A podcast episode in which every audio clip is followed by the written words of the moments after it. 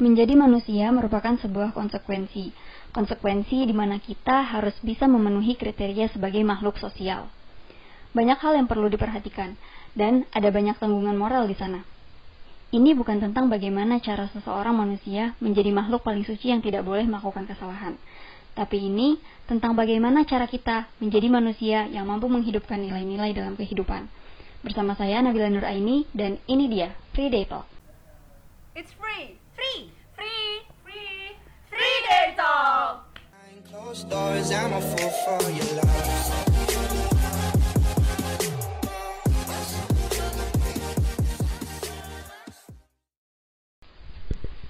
Halo teman-teman, kembali lagi di Free Day Talk. Ini episode kedua ya. Dan aku bakal ngobrol-ngobrol atau sharing-sharing tentang menjadi manusia atau being a human. Karena judulnya ngobrol, jadi di sini aku nggak akan sendirian. Ada tamu spesial yang akan menemani aku di episode ini. Yaudah, tanpa menunggu lama-lama, langsung saja kita sambut Elina Prima Diani. Halo semuanya. Halo Elin. Elin boleh perkenalan dulu dong? Oke, perkenalkan semuanya. Nama saya, nama aku ya. Iya, nama nama aku Elina Primadiani, biasa disebut Elin atau Elina dari jurusan THP 2016, Fakultas Teknologi Pertanian dan tentunya Universitas Brawijaya. Oke, Elin lagi sibuk apa nih sekarang, Lin? Ah, sekarang karena mahasiswa semester tua lagi sibuk skripsi otomatis. Oke. Kemudian juga sedang apa namanya? ya ngerjakan beberapa proyek dan beberapa hal organisasi dan lain sebagainya. Oke, duh ini kesibukan mahasiswa tingkat akhir banget ya Iya. kayaknya. Oke, jadi langsung aja nih Lin. Menjadi manusia atau being a human, menurut kamu tuh kayak gimana sih? Waduh, menjadi manusia ya. Hmm. Kalau dari perspektif saya sendiri menjadi manusia itu adalah bagaimana kita hidup ini gak cuma hidup numpang hidup di dunia aja, tapi bagaimana kita bisa nge-spread out our positivity kayak kita berdampak sebesar-besarnya dan seluas-luasnya bagi masyarakat maupun di sekitar kita. Wah mantap. kalau menurut aku sendiri ya, Iya. kalau being a human, jadi manusia itu selama hidupnya harus punya nilai-nilai yang dia bawa gitu. Mm-mm. Karena menurut aku konsekuensi menjadi manusia adalah eh, kodrat kita sebagai makhluk sosial yang pasti dalam hidup tuh butuh orang lain gitu. Kita nggak bisa hidup sendiri. Ah. Atau dalam artian lain kita harus bisa memperbaiki hubungan kita antar sesama manusia dan mengesampingkan ego kita gitu. Kalau menurut Ah, Iya bener banget sih. Nah, ngomong-ngomong tentang mengesampingkan ego nih, Lin. Hmm. Akhir-akhir ini tuh kita lagi anget banget isu-isu tentang lingkungan, entah itu karhutla atau dari eh, taraf internasionalnya juga ada isu-isu tentang climate change. Ah, iya benar, Nah, benar. kerasa banget kan apalagi Iya. kita sebenarnya kita sendiri ngerasain gitu di Malang kok kalau siang panas banget, Iya, bener terik banget. banget, gitu. Dan ternyata itu tuh nggak cuma terjadi di Malang, tapi di daerah-daerah lainnya kayak aku waktu di Bogor juga ngerasain itu, terus di Bandung juga sama. bener. Dan aku rasa itu eh, kita rasakan banget gitu loh akhir-akhir ini karena mm, ya isu climate change Mhm. itu tadi gitu dan ternyata climate change juga it's not an issue anymore, Iya, tapi bener. it's happening gitu loh. Happening. Nah, kalau menurut kamu kayak gimana sih Lin tentang isu climate change ini? Ya, climate change ini adalah isu-isu terhangat benar sih. Karena kemarin itu juga setahu saya juga berdasarkan CNN kayaknya ya, CNN Indonesia itu ada sekitar 190 139 Oh, 139, kalau nggak salah ya. Iya, 139 Negara. negara. yang dia itu sedang heboh-hebohnya melakukan seperti demonstrasi Mhm. adanya climate change itu tadi. Hmm. Jadi nggak cuma di Indonesia, di seluruh dunia itu juga terjadi. Nah, menurut saya juga climate change ini sebenarnya bukan hanya kayak perubahan di alam ini tidak serta merta terjadi begitu aja. Pasti ada sebab dan akibat. Iya benar Nah, banget. Sebab dan akibatnya itu dari mana? Otomatis uh, banyak hal, banyak parameter yang terjadi. Akan tetapi kita sebagai penduduk bumi itu pasti juga mendapatkan andil dalam perubahan climate change itu sendiri. Akan tetapi masih aja banyak orang yang nggak sadar gitu loh. Iya. Kalau misalnya manusia itu juga uh, memberikan andil dalam perubahan climate change itu sendiri. Miris sih sebenarnya. Iya benar banget, benar banget sih Lin. Soalnya em, apa namanya kenaikan suhu ini juga eh, sedikit banyak malah mungkin banyak ya Hmm. pengaruhnya dipengaruhi oleh penggunaan fasilitas-fasilitas eh, yang eh, penggunaan fasilitas atau teknologi yang digunakan sama manusia Iya. kayak semisal kendaraan bermotor Mm-mm. terus penggunaan apa air, eh, AC Mm-mm. dan banyak la- banyak lagi hal lainnya eh, kayak di pabrik-pabrik juga kan pasti mengeluarkan emisi atau gas Iya. itu itu sih menurut aku emang sebenarnya itu balik lagi ke kita karena Iya. yang menggunakan semuanya teknologi itu kita juga kan Mm-mm. nah itu sih nah eh, kalau di Indonesia ini sendiri akhir-akhir ini kan lagi hangat-hangatnya isu tentang karhutla atau Mm-mm. kebakaran hutan dan lahan Mm-mm. dan yang paling besar itu terjadi di Pulau Sumatera dan Kalimantan ya gak sih Iya benar. kalau nggak salah eh, itu tuh ada lima provinsi yang kena di antaranya ada provinsi Riau, Jambi, eh, Kalimantan Tengah ya, Kalimantan Barat, sama eh, Sulawesi Selatan. Nah itu eh, lima provinsi yang katanya paling terdampak sih, karena emang kebakaran hutannya terjadi di sana dan sepengetahuan aku kebakaran hutan itu juga terjadi karena adanya pembukaan lahan tanaman sawit. Nah, iya benar. Nah kalau menurut Ellen tuh kayak gimana? Kalau misalnya kayak gitu itu serba repot juga kan. Hmm. Cuman menurut aku tuh kejadiannya tuh seperti ini sih. Jadi kita itu seakan-akan sebenarnya pasti sudah ada SOP-nya kayak kita harus membakar membuka lahan ya, Hmm. membuka lahan itu pada jam berapa, pukul berapa, pada saat yang seperti apa.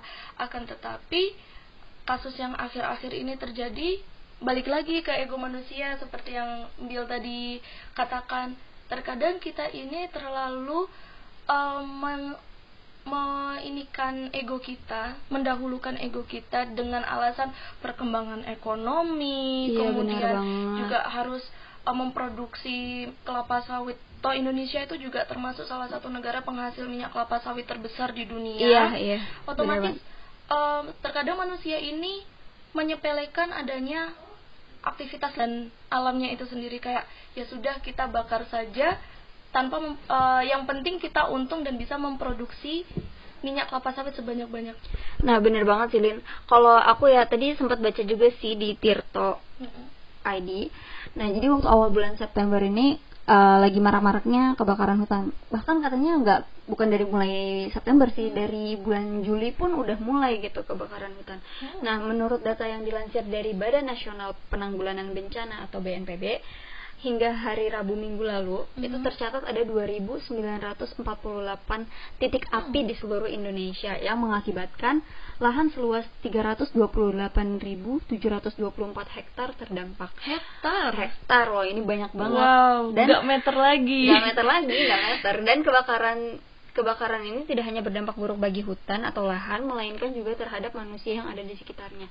Bisa kita pasti tahu lah, tahu banget di Twitter, di Instagram Iya. banyak banget berita-berita tentang eh, masyarakat yang terdampak eh, oleh kabut asap, Mm-mm.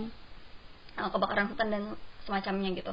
Bahkan ada kemarin tuh terakhir aku baca di berita ada bayi yang baru lahir tiga hari atau empat hari Iya, gitu dan tuh hari. meninggal ini miris banget gak sih? Maksud aku tuh gini em, sebenarnya kan gak semua orang eh, berkaitan dengan pembukaan lahan kelapa sawit ini gitu loh. Tapi kenapa akhirnya dampaknya bisa kena ke masyarakat sekitar? Menurut aku itu miris banget dan apa ya sebenarnya kayak gimana sih tindakan pemerintah terhadap ini yang selalu aku pertanyakan ya Hmm. bagaimana eh, sikap pemerintah terhadap eh, kejadian ini gitu loh. Karena kalau eh, masih untung gitu kalau misalkan yang terdampak orang yang sehat-sehat. Mm-mm. orang yang sehat benar-benar kayak orang dewasa yang sehat gitu. Kalau yang terdampak anak-anak ibu hamil atau lansia itu kayak gimana kan eh, tingkat apa ya kesehatan mereka kan tidak sekuat orang normal pada Hmm. umumnya gitu kan. Oh iya di sini tuh aku mau nekenin lagi ya kalau yang eh, di yang mau kita bahas tuh lebih ke em, bagaimana sikap kita sebagai manusia gitu loh nggak ke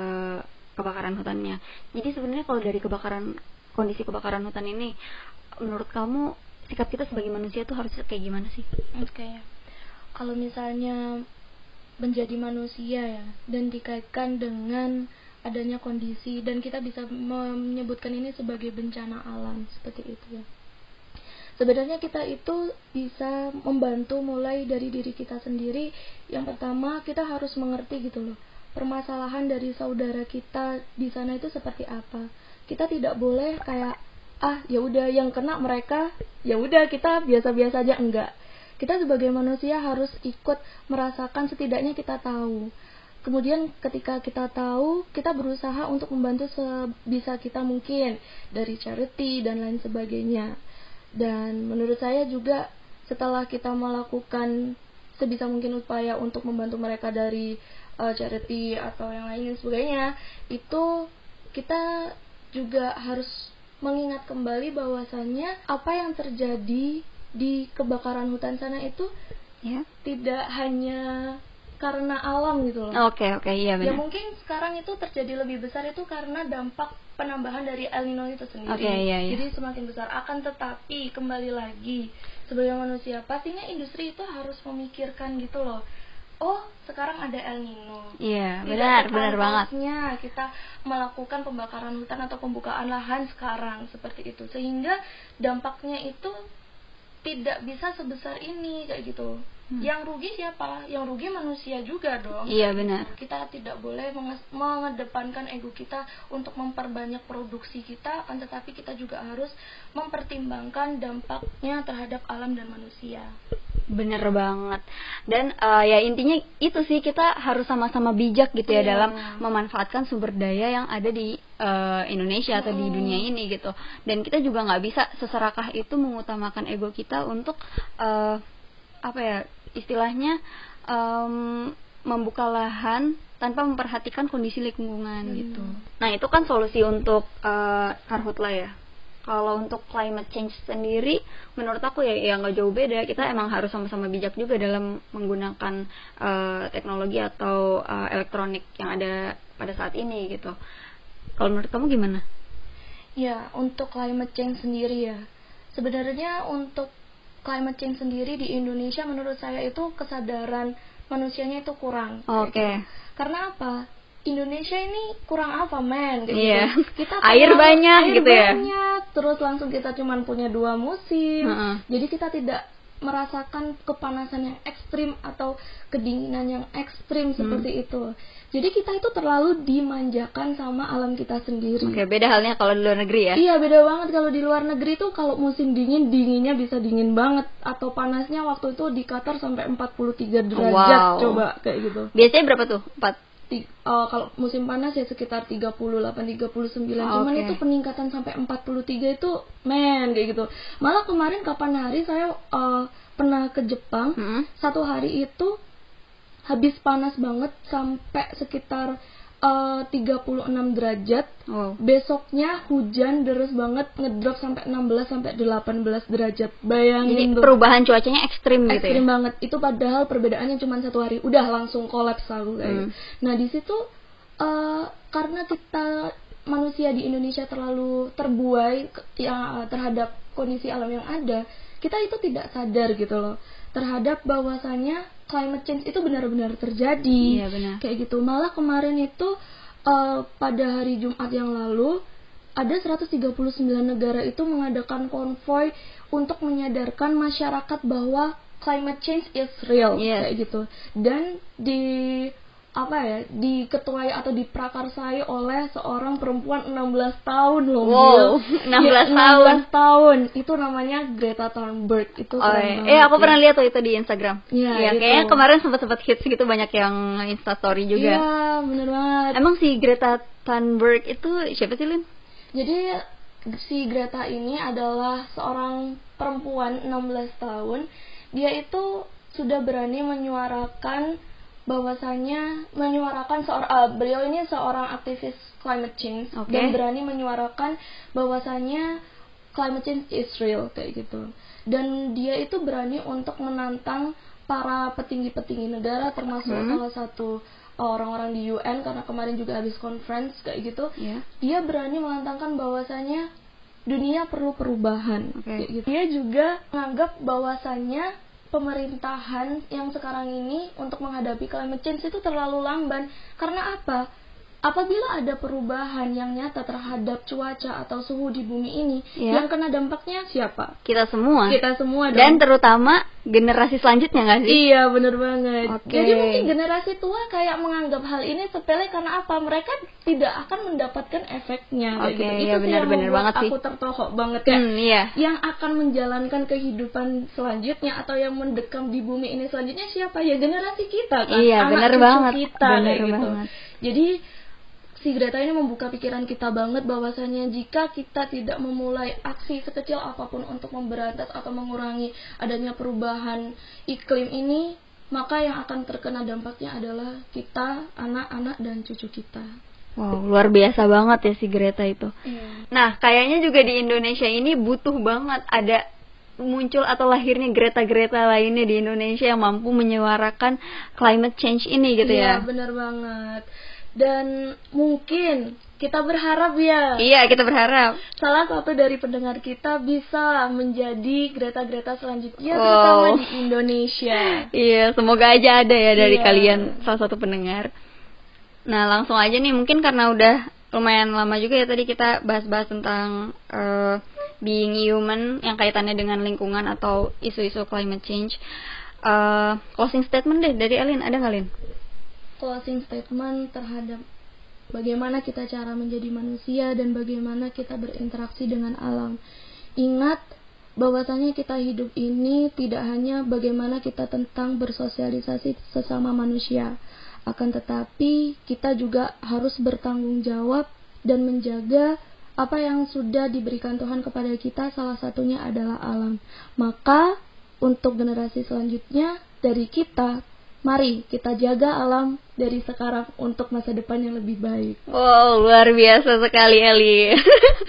Kalau dari aku closing statement, eh, aku pernah dengar pepatah Latin mengatakan bahwa Agrotodum amina est spes est, yang artinya as long as the sick people is conscious, there is still hope. Oke. Atau eh, artinya selama masih selama orang sakit itu masih sadar, maka masih ada harapan. Kalau kita bayangin ya emang bener sih kalau orang sakit itu masih eh, jantungnya masih berdetak dan dia masih bisa bernafas itu masih ada harapan kan tapi kalau kita analogikan ke kondisi sekarang ini walaupun kondisi Indonesia atau dunia sedang tidak baik-baik saja saat ini tapi selama kita masih memiliki masyarakat yang sadar akan hal itu dan memiliki kesadaran untuk melakukan hal lebih dan ingin apa ya melakukan perubahan untuk Indonesia yang lebih lebih baik maka masih ada harapan Masih ada harapan. masih ada harapan. Ada. Oke, sekian teman-teman. Eh, sekian dulu dari kami. Terima kasih buat para pendengar yang telah mendengarkan.